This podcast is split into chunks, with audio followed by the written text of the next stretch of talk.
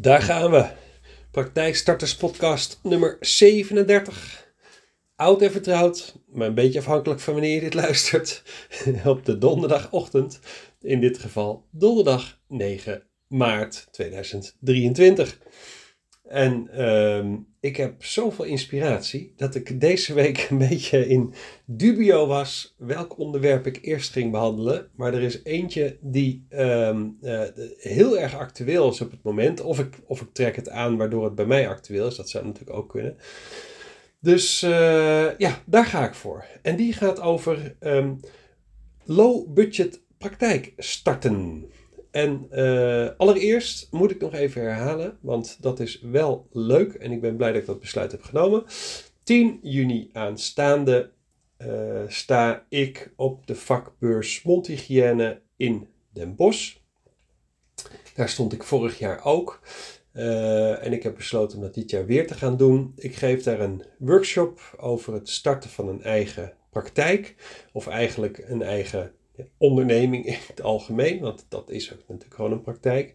Uh, en, de, de, nou ja, en de beren die je onderweg uh, tegenkomt en hoe je daarmee om moet gaan. Dus dat wordt een super gaaf workshop.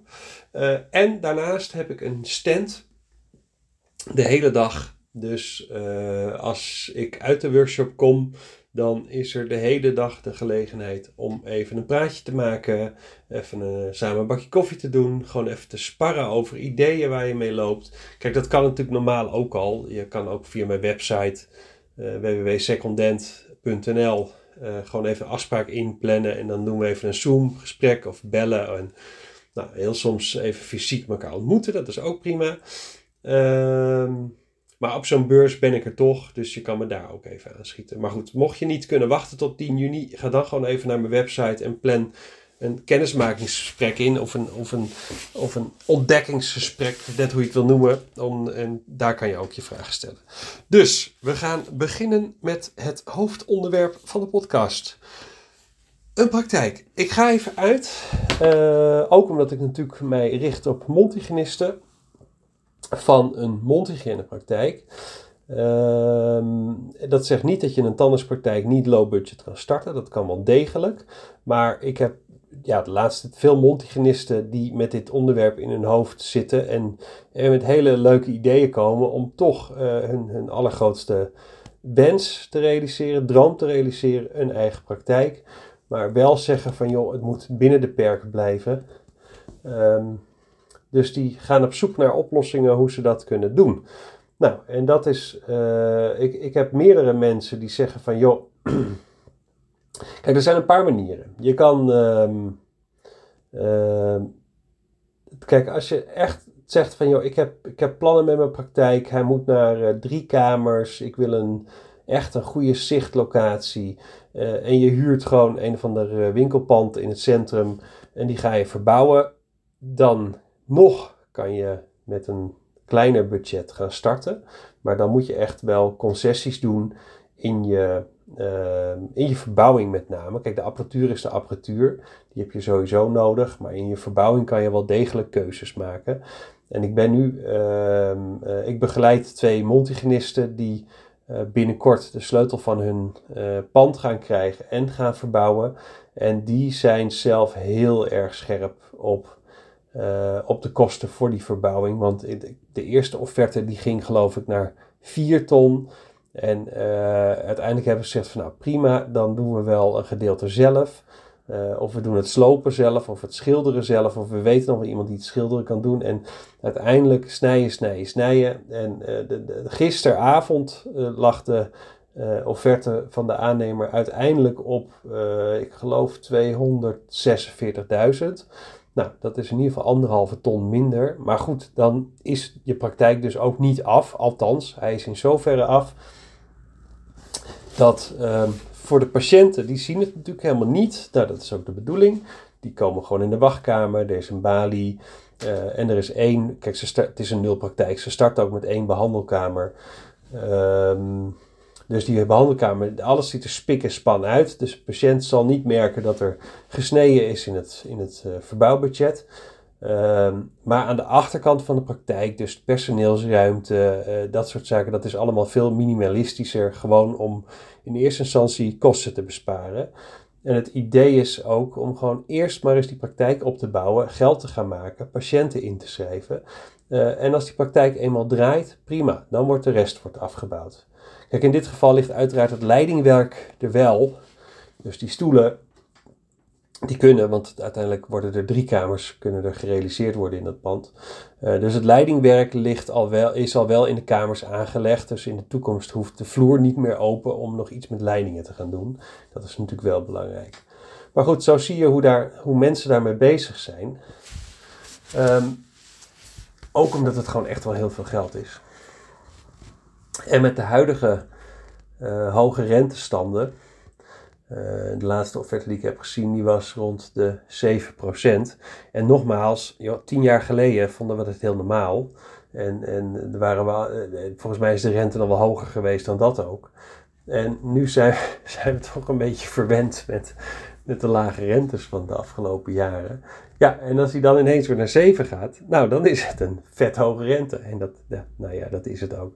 Dus je merkt dat mensen heel erg bezig zijn met uh, hoe kunnen we toch onze droom realiseren, uh, maar wel voor een normalere prijs en, en niet de sky is the limit. Kijk, we weten allemaal dat alles duurder is geworden, ook in de supermarkt. Uh, dus dat geldt ook voor je verbouwing en dat zie je dus ook aan de rente.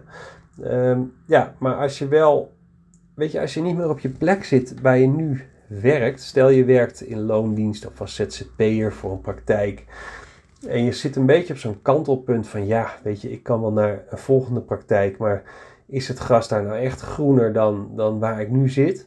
En je voelt gewoon eigenlijk de drang om um, naar een vrijer leven te gaan. Een vrijer leven waarbij je gewoon zelf kan bepalen hoe je dat gaat indelen. En of je nou twee dagen, drie dagen, vier dagen, uh, van mij zes dagen wil werken.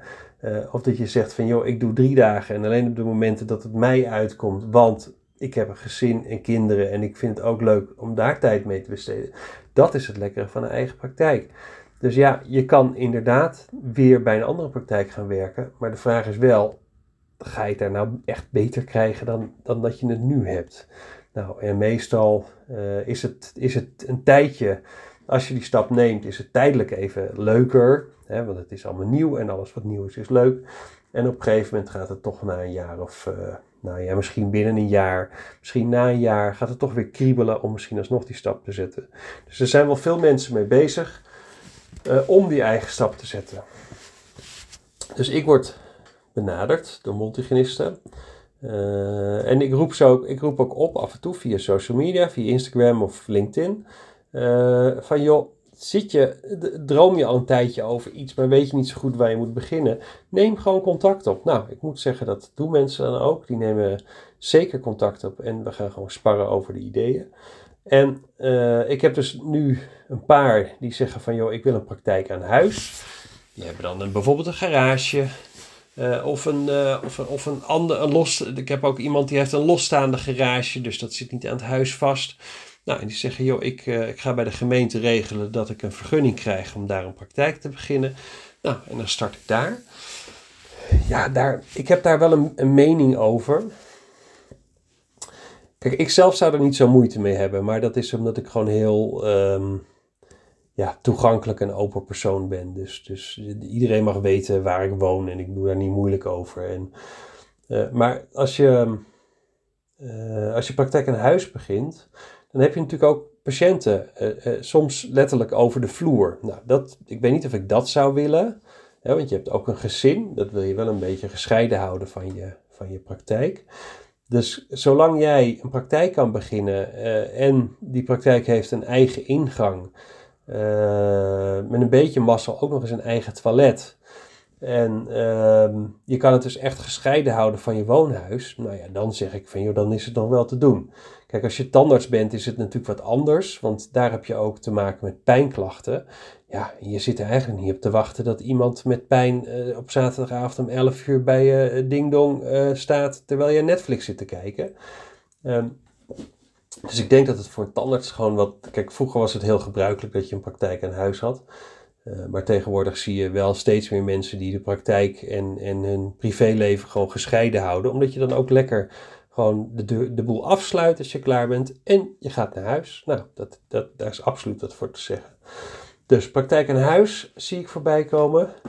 Ehm, en je merkt, kijk, het werkt gewoon. Ik heb daar laatst. Weet je, deze podcast is redelijk vlot op eentje die, die uh, een beetje gelijkwaardig is aan de informatie die ik vandaag geef. Uh, dat was podcast, ik meen 34.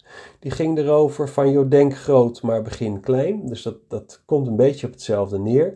Maar ik vond dat ik nog niet klaar was. En omdat ik zoveel uh, aanvragen op dit moment krijg, de afgelopen week vier, van mensen die zeggen van, joh, mijn droom is het starten van een praktijk. En uh, tuurlijk, ik wil het liefst over de top, gouden kraan, weet ik wat ik er allemaal kan bij bedenken. Maar ik vind het gewoon zonde van mijn geld. En mijn droom en mijn drang om te starten is eigenlijk sterker dan dat ik zeg van, joh, het moet heel fancy. En weet, ze, zegt, ze zeggen gewoon allemaal, ik wil gewoon zorg verlenen op mijn manier. Ik wil de vrijheid om mijn leven in te delen zoals ik dat wil. En met mijn patiënten om te gaan zoals ik dat wil. En ze ook de tijd te geven in de behandelkamer um, die ik wil. En dat wordt nu allemaal voor mij bepaald. En daarom vind ik het gewoon tijd worden dat ik, dat ik mijn eigen keuzes ga maken en mijn eigen fouten ook ga maken. Um, dus die zeggen ja, tuurlijk, ik zou het liefst een supergaaf praktijk willen, maar ik heb daar gewoon het geld niet voor of niet voor over. Dus we doen het op een andere manier. Nou, en daarom dacht ik, het komt zo vaak voorbij. Ik, ik, ik, ik was gewoon, ik voelde vanmorgen gewoon, ik ben nog niet klaar om, uh, met, met alleen podcast 34. Dus het is een soort aanvulling op podcast 34. Dus mocht je nog verder willen over dit onderwerp, luister dan podcast 34 nog maar goed, ik heb uh, die zijn in ieder geval brutaal genoeg om gewoon eens te kijken bij bestaande gezondheidscentra. Of daar niet toevallig een kamer leeg staat. En als er dan een kamer leeg staat, dan moet je alleen maar even ontdekken wie, van wie die kamer is. En of je die kan huren. Misschien tijdelijk, misschien vast, nou, geen idee. Vaak tijdelijk, omdat het, weet je, je ziet vaak dat huisartsen best een grote ruimte hebben. Uh, maar die gebruiken ze misschien niet allemaal. Of ze hebben misschien ooit bedacht dat ze een spreekkamer wilden, maar uiteindelijk doen ze alle gesprekken gewoon in de behandelkamer. Uh, nou, staat die spreekkamer leeg. En als die spreekkamer uh, zeg minimaal 15, 20 vierkante meter is, dan kan jij daar prima een, een mondhygiënepraktijk in starten. Waarom niet? Dus je ziet dat mensen dat doen. En het leuke van gezondheidscentra is um, dat de huurprijs daar meestal, ik zeg bewust meestal, want ik had twee weken geleden een mondhygiënist die uh, had inderdaad de optie om een, om een ruimte van een huisarts te huren in een gezondheidscentrum. Maar die, die huisarts die had bedacht dat ze voor die, nou volgens mij was iets van 22 vierkante meter, moest ze geloof ik iets van 1600 euro betalen. Dat sloeg echt helemaal nergens op. Maar dat was alleen maar omdat de huisarts het oorspronkelijk per dag wilde gaan verhuren. En dan had hij bedacht dat er allerlei verschillende medische slash paramedische disciplines wel in konden. Maar ja, zij zei, joh, ik ben mondhygiënist, mijn spullen komen erin te staan. Uh, die stoel die weegt 200 kilo, dat had ik er dan verteld. Dus het is niet dat ik mijn spullen kan verhuizen en dat dan uh, morgen de, de diëtist uh, erin kan. dus zij zegt van, joh, ik wil het graag huren. Uh, maar niet voor de dagprijs natuurlijk. Ik, ik ga het huren voor uh, twee jaar of drie jaar. Uh, dus ik wil gewoon een maandbedrag. Nou, dan kwam hij zelf op dit maandbedrag. Nou, het is echt een, nou, een gigantisch bedrag voor zo'n kleine ruimte. Dus uiteindelijk is dit niet doorgegaan. de huisarts is nu bezig om te kijken of hij het alsnog per dag kan verhuren. En ik hoop eigenlijk dat hij tot de ontdekking komt dat zijn, zijn verwachting niet heel erg realistisch is uh, was. En dat hij alsnog terugkomt van joh, ik wil je het niet alsnog huren en zullen we nog eens om tafel voor de prijs. Nou, daar uh, hoop ik dat het op, uh, op uitloopt. Um, en ik sprak van de week, ehm, dat was, oh dat is alweer twee weken terug ook, Maar er heeft een weekje vakantie tussen gezeten. Want ja, ik, zoals vorige podcast al zei, ik was een weekje naar een vakantiepark met zo'n Aquamundo en alleen maar zwembad. Nou, dat heel Nederland was volgens mij op vakantie, want ik heb heel veel mensen gesproken die ook op pad waren. Um, en deze montigenist, die die, is, uh, die heeft al kinderen, die is eind 30 inmiddels. En die had een beetje zoiets van: ja, weet je, ik loop er al een tijdje mee in mijn hoofd. En um, nou ja, mijn kinderen zijn in ieder geval oud genoeg om, om die zijn wat zelfstandiger. Dus, die, die, dus ik heb ook nu de tijd om erover na te denken. En die had zoiets van: ja, als ik het niet doe, dan heb ik, het, dan heb ik daar altijd spijt van. Dan heb ik het idee dat ik altijd iets heb gemist, zeg maar. Ze zegt dus, en ik voel al jaren de drang om, uh, om iets voor mezelf te gaan beginnen. Zij was ook in gesprek al met een andere montigenist om samen iets te gaan doen. Maar uiteindelijk is dat op niets uitgelopen. Dus zij had zoiets van, ja, ik trek nu maar gewoon de stoute schoenen aan. Um, en die heeft dus... Um, een dorp verderop van waar zij woont, kan zij een ruimte, daar is een ruimte beschikbaar in een, in een, in een, in een pand van een voormalige apotheek. Ehm, en in dat pand zit al, er zit al een kapper in en er zit al een diëtist in. En dus dat, wordt eigenlijk per kamer wordt dat verhuurd. Uh, en zij zegt, joh, daar is een ruimte beschikbaar. Uh, maar ja, ik moet natuurlijk. Toen zei ze al van ja, ja, ik moet natuurlijk eerst weten of, uh, of, de, of de bank ermee instemt. En dan dit en dat. Ik, ik zeg, joh, heb je al contact opgenomen met de verhuurder? En uh, nee, dat heb ik nog niet, want ik wilde eerst alles rond. Ik zeg nee, je gaat nu eerst bellen met de verhuurder. Je gaat het bezichtigen en je gaat kijken wat het, wat het moet gaan kosten. Uh, en dan gaan we de boel helemaal doorrekenen. Ik zeg maar, ga niet zitten wachten totdat je alles hebt uitgedokterd. Je, ja, je gaat ervoor of je gaat er niet voor. Dus het was zo leuk. Ik had gisteren contact weer even met haar. En zij uh, heeft nu de verhuurder gecontact. Ze heeft uh, binnenkort een bezichtiging. en er zit dus een tandarts in de buurt. en die heeft daar, ik, ik begin alweer te hummen. Ik moet even een slokje water. Zit een tandarts in de buurt. Die um, heeft ze in het verleden al een keer gesproken, omdat hij een mondhygiënist nodig had. En zij heeft ooit overwogen om daar als ZZP'er te gaan werken. Dat is toen niet doorgegaan. Um, maar zij heeft zoiets van, ja, ik zit straks in de buurt van die tandarts. En die tandarts die, die heeft behoefte aan, uh, aan, aan, hulp uh, van een mondhygiënist. Dus wellicht kan ik een mooie samenwerking met hem aangaan. ik zeg nou zeker, die zou ik ook zeker benaderen. Sowieso met, met samenwerkingen, waar je ook gaat zitten, ga altijd iemand benaderen. Weet je, het kan best zijn dat die iemand je uh, toch als concurrent ziet uh, en dat er helemaal geen samenwerking tot stand komt. Maar ja, aan de andere kant, als je het niet geprobeerd hebt, dan weet je het niet zeker. Dus zij heeft gewoon die tandarts benaderd en ze heeft ook uh, ergens deze week een gesprek met die tandarts.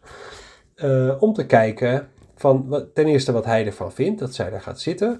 Uh, zij gaat ook geen tandheelkunde aanbieden. Hè. Zij, doet, zij is echt een vrijgevestigde mondhygiënist. Dus ze, gaat ook niet, ze heeft ook niet de ambitie om te gaan, uh, gaan boren en vullen.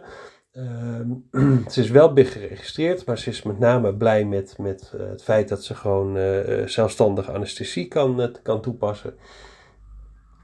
En röntgen had ze in eerste instantie ook nog niet zo'n behoefte aan. Maar ze zegt van ja, als ik nou heel. Ze laat wel de, het, leidingwerk daarvoor aanleggen. Want ze zegt ja, als ik nou echt heel lang moet wachten op een foto. Of, of de foto's die je krijgt zijn van zulke slechte kwaliteit dat ik geen diagnose kan stellen. Ja, dan kan het zijn dat ik wellicht zelf een röntgenbuis ophang. Uh, ze zegt, maar ook dat ben ik in eerste instantie niet van plan. Maar zij heeft dus. Um, weet je, in dit pand. Uh, is, zitten dus al een paar andere, in ieder geval uh, verzorgende, zeg maar. Geen, geen medisch, maar goed, een kapper. Ja, daar komen best wel veel mensen. Uh, een diëtist komen ook best wel veel mensen. Um, nou ja, dat is, dan, dat is dan wel medisch of paramedisch, dat weet ik allemaal niet. Maar goed, er zit dus veel beweging in zo'n pand al, van mensen die daar komen. Uh, en als zij zich daartussen vestigt en ook wellicht nog eens een, een samenwerking aan kan gaan met die tandarts, nou, dan is het een super locatie en een goedkope locatie. Dus ze zegt, ja, ja wat zou ik dan ongeveer kwijt zijn voor zo'n uh, uh, in, in totaal? Dus ik zeg van, joh, ik zeg, ik denk dat je voor rond de 75.000 euro aan apparatuur en een stukje verbouwing want je moet wel een afgesloten sterieruimte, dus dan moeten toch glaspanelen in en een deur en uh, dat soort dingen. Ik zeg, nou, ik denk dat je met nou, zeg 75 tot 85.000 euro een heel eind komt. Zegt, oh, ik had zelf al een ton in, uh, in gedachten. Ik zeg, nou, ik denk dat het goedkoper kan dan dat. Maar goed, laten we van een ton uitgaan. Dus ik heb voor de gekeken. Ik zeg, joh, de rente is op dit moment nou, ongeveer 7%. Als je voor een ton zou gaan leasen op 7%, zit je op ongeveer 1900 euro um, per maand bij een vijfjarige lease. Um, en toen, ik zei, ja, wat zal ik aan huur kwijt zijn? Dus we hebben, ik heb bedacht, nou ja, ongeveer 1000 euro huur. Ik zeg, nou, misschien nog 1000 euro aan, andere kosten. Dus ja, dus het gaat ervan uit dat je maandlast dan ongeveer 4000 euro is. Nou, daar schrok ze in eerste instantie van. Uh, ik zeg, ja, dat klinkt, dat klinkt heel veel, maar het valt eigenlijk wel mee. Ik zeg, want je moet het een beetje gaan terugrekenen naar, naar je patiënten. Ik zeg, want stel, uh, kijk, 4000 euro per maand. Wat heb je dan nodig? Nou, weet je, een maand is normaal 4,5 week, maar ga even uit van 4, dat rekent makkelijk. Dus je moet 1000 euro per week in ieder geval omzet hebben om deze kosten te kunnen dekken. Natuurlijk komen altijd nog een beetje extra kosten bij aan, want je moet materialen inkopen en dat soort zaken. Maar goed, dan nog denk ik dat het best reëel is om te zeggen van ja, de kosten zijn 4000. Daarnaast werkt ze ook nog als ZZP'er. Dus ik ga ervan uit, en dat kan ze nog wel even erbij blijven doen, dat ze komt uit met haar ZZP. Ze houdt nu over van haar ZZP-inkomsten. Uh, dus ik zeg zelfs als je daar een dag minder zou gaan werken, dan nog kom je daarmee uit. Dus ik zeg, je ik ga ervan uit dat je ZZP-inkomsten opgaan aan je huidige privélasten en je dat dus als salaris beschouwt. Dus als je praktijk dan 4000 per maand kost, dan moet je dus ervoor zorgen dat je minimaal die 4000 per maand aan omzet uh, gaat schrijven. Nou, wat is daarvoor nodig? Daar is voor nodig dat je 1000 euro omzet per week gaat maken. Uh, nou, en dat is ongeveer een dagwerk. Want de meeste mondhygiënisten die ik spreek, die zitten met hun omzet rond de 1000, 1100, soms 1200, soms zelfs 1500. Maar goed, ik denk dat 1000 euro voor mondhygiënist per dag een realistische omzet is. Um, als je er dan van uitgaat dat je ongeveer 8 patiënten per dag uh, doet, 8 behandelingen per dag doet, dan, dan is de rekensom eigenlijk niet eens zo heel moeilijk. Je hebt dus met acht behandelingen heb je 1000 euro omzet. Nou, je werkt ongeveer 45 weken. Dat is een beetje de standaard manier om het te berekenen. Je kan wel van 52 uitgaan, maar je hebt altijd feestdagen ertussen, je hebt vakantie, dat soort zaken. Dus ga uit van, uh, van 45 weken. Is misschien een beetje conservatief, maar liever dat dan dat we het, het te groot inschatten. Dus 8 behandelingen keer 45 weken kom je op 360 behandelingen per jaar die je moet doen om in ieder geval je kosten eruit te hebben. En deel dan die, die, die 360 eh, behandelingen per jaar nou is door de bezoekfrequentie van een patiënt. En dat klinkt heel lastig, maar dat valt wel mee. Kijk, bij jullie komt een patiënt vaak twee of drie keer per jaar. Eén keer per jaar zal bijna niet voorkomen. Uh, en vier keer per jaar komt uiteraard ook voor. Uh, maar goed, gemiddeld tussen de twee en drie keer. Dus gemiddeld zeg 2,5 keer per jaar. Dus deel die 360 behandelingen die je per jaar moet doen, nou eens door 2,5 bezoeken per patiënt. Als je dat doet, kom je op 144 patiënten die nodig zijn om uh, kostendekkend te zijn met deze praktijk? Nou, heel eerlijk, dat zijn er 12 per maand. En ik kan je vertellen, alle mondhygiënisten die ik tot nu toe heb begeleid met de start van de praktijk, er is niemand die zo laag zat met zijn patiënteninschrijvingen. Iedereen zit op minimaal 15, maar vaker nog op 20 of 25 patiënten per maand die ze inschrijven. Dus die 12 per maand is hartstikke haalbaar. Dus denk ik, ja, je kan je inderdaad blind staren op 4000 euro per maand wat je moet gaan betalen. Maar je moet gaan kijken, wat is er voor nodig om het te kunnen betalen? En dat valt dus eigenlijk best wel mee. Nou, en in dat opzicht eh, was voor haar ook alle angst eigenlijk van de baan.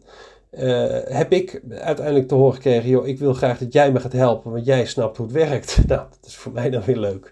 En, uh, nou ja, en we gaan er nu samen voor. Dus ik help er nu een beetje met, met hoe ze die gesprekken moet aanvliegen, uh, waar ze op moet letten als ze het pand gaat bezichtigen. als ze wil dat ik met haar meega om eens een gesprek met iemand anders te hebben, dan doe ik dat. Nou, nog redt ze zich prima alleen. Maar goed, zo zie je maar wel dat je eigenlijk voor minder dan een ton uh, gewoon een praktijk kan starten. Nou, dat is toch compleet anders dan die, dan die, dan die 4 ton verbouwing waar ik het aan het begin van deze podcast uh, over had. Uh, dus het is enorm bereikbaar, zo'n praktijk, als je maar op de juiste plekken gaat kijken. En als je maar durft concessies te doen. En dus uh, ervoor zorgt dat de drang om de praktijk te starten groter is dan de drang om, om daar een bepaalde status mee in de markt te zetten. Van kijk mij nou met mijn praktijk. Nou, en, en dat wilde ik vandaag meegeven. Ik denk dat dat het belangrijkste inzicht is voor vandaag. Iedereen, ik, ik denk dat een eigen praktijk voor iedereen bereikbaar is. Het is alleen de vraag, uh, hoe belangrijk vind jij status en, en, en grootsheid. En kijk, je kan altijd starten met een kleine winkel en het later groter maken. Nou, en dat is, dat is hoe het kunstje werkt. Mijn bedrijfje is ook gestart vanuit niks en, en uiteindelijk groeiende. En joh, ik hoop ook dat ik uiteindelijk uh, hiervan een huis op Bonaire kan betalen. Dat weet ik nog niet. Maar het zou wel gaaf zijn. maar dat is niet bedoel. Nou goed, ik hou op, want anders blijf ik praten. Uh, dit was nummer 37. Ik hoop dat je er heel veel aan hebt gehad. Ik zou het ontzettend leuk vinden als je, uh, naar aanleiding van deze podcast, uh, je mag altijd feedback geven wat je ervan vond. als je het leuk vindt om te delen waar jij nou tegenaan loopt bij de start van je praktijk, of, of de kriebels die er al vier jaar zitten en je weet niet zo goed wat ermee aan moet. Om gewoon eens contact met mij op te nemen, mail even naar remco.secondent.nl of ga naar mijn website, daar staan al mijn contactgegevens op. En plan gewoon eens een afspraak in. Joh, dan gaan we even lekker drie kwartier met elkaar sparren. Ik ga je echt verschrikkelijk pittige vragen stellen om je gewoon ja, uit te lokken om er gewoon goed over na te denken. Joh, en wie weet heb jij volgend jaar ook je eigen praktijk. Waar je dus al vier jaar over aan twijfelen was. Nou, dat zou echt, hoe gaaf zou dat zijn? Maar goed, ik hou op. Dankjewel voor het luisteren. Tot volgende week. En werk ze vandaag. Doei!